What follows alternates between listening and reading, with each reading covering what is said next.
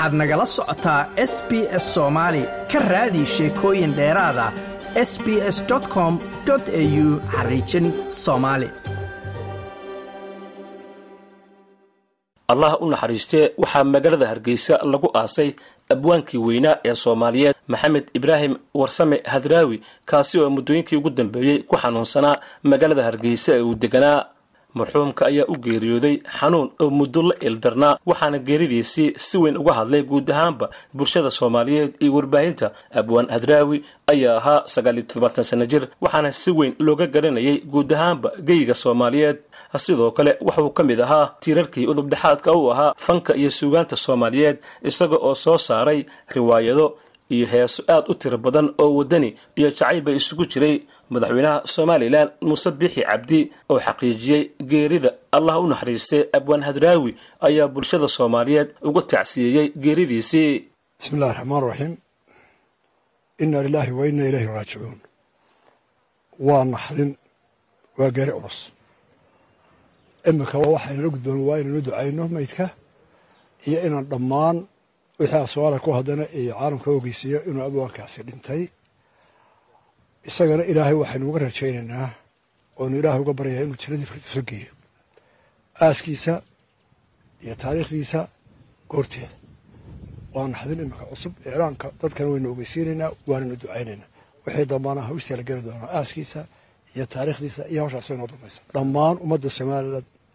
iyo afka soomaliya wixii ku hadla iyo qoyskii iyo bahdii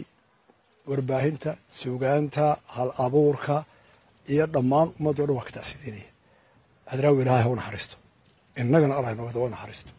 Ilaahay waxaynu ka rajaynaynaa halkiisa cawan khayr qabo inuu noo soo dhigo allah u naxariistay abwaan hadraawi ayaa waxaa sidoo kale geeridiisii ka tacsiyeeyey madaxda dowladda federaalk ee soomaaliya abwaano fara badan iyo dadweynaha sida gaarka isagoo u garanayay dowladda federaalk ee soomaaliya ayaa qoraal tacsiya ka soo saartay geerida allah u naxariistay maxamed ibraahim warsame hadraawi abwaankii weynaa ee soomaaliyeed. ra'iisul wasaare ku-xigeenka xukuumadda federaalk ee soomaaliya ayaa isna ka hadlay tacsida iyo geerida ku aadan abwaan hadraawi walaalayaal waxaan halkan tacsi uga diraynaa qoyskii iyo qaraabadii iyo dhammaan ummadda soomaaliyeed ee uu ka baxay marxuun maxamed ibraahim warsame hadraawi suugayahankii weynaa ee soomaaliyeed macallinkii weynaa ee muddada badan soo barbaarinaya wax soo barayay ummadda soomaaliyeed. Mufakirkii weynaa ee ummadda afkaartiisa iyo odhaahdiisa ku hagayay u tilmaamaya waxa saxda ah baadilka iyo waxaa xunna ka dhiidhiyi jiray walaalayaal. Taariikhda suugaanta iyo afkaartii suubanayd ee uu xambaarsanaa maxamed ibraahim warsame hadraawi mid aynu halkan ku soo koobi karno maha muddo dheer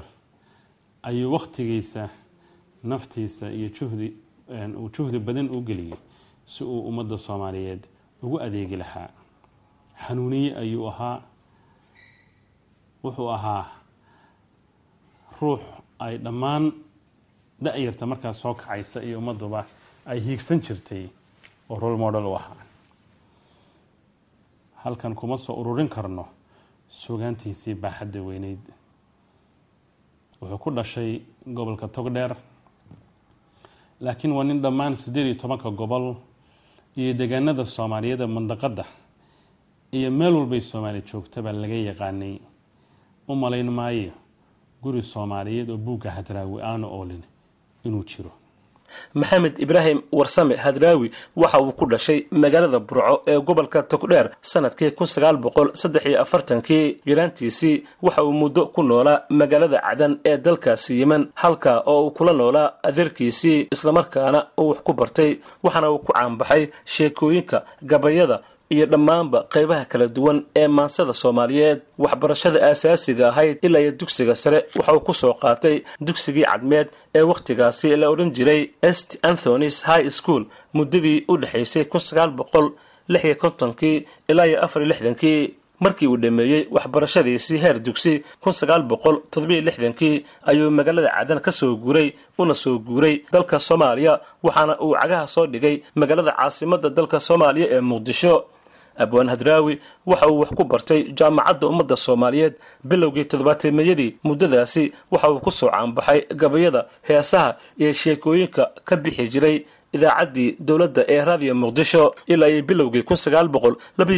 kii wuxuu akadeemiyada cilmiga fanka iyo suugaanta soomaaliyeed uu ka noqday agaasimaha waaxda fanka islamarkaana waxa uu madaxa hore kaga jiray raggii mayalka u qabtay ee hogaaminayay silsiladii maansadii caan baxday ee deley bilowgii sideetamaadkii waxa uu ku biiray jabhadda fadhigeedu ahaa magaalada london ee s n m waxa uuna u baxsaday dalka ethoobiya isagoo ka qayb ahaa halgankii looga soo horjeeday madaxweynihii hore maxamed siyaad bare dagaaladii kadib waxa uu degay magaalada london isagoona sidoo kale dalal fara badan oo qaaradda yurub iyo sidoo kaleba maraykanka tegey hase yeeshee hadraawi waxa uu diiday in halkaasi qaxooti ku ahaado isaga oona mar walba ku fekerayay in uu leeyahay dal barwaaqo ah ayna tahay inuu ku laabto heesihiisii caanbaxay waxaa ka mid ah heesta hooyo oo uu qaaday maxamed sulaymaan tubeec. Sidoo kale heestii jacaylka ahayd ee jacayl dhiigma lagu qoray oo ay qaaday xalimo khaliif iyo heestii axad oo uu qaaday allah u naxariistee isna axmed cawd rabsho. Sidoo kale abwaanku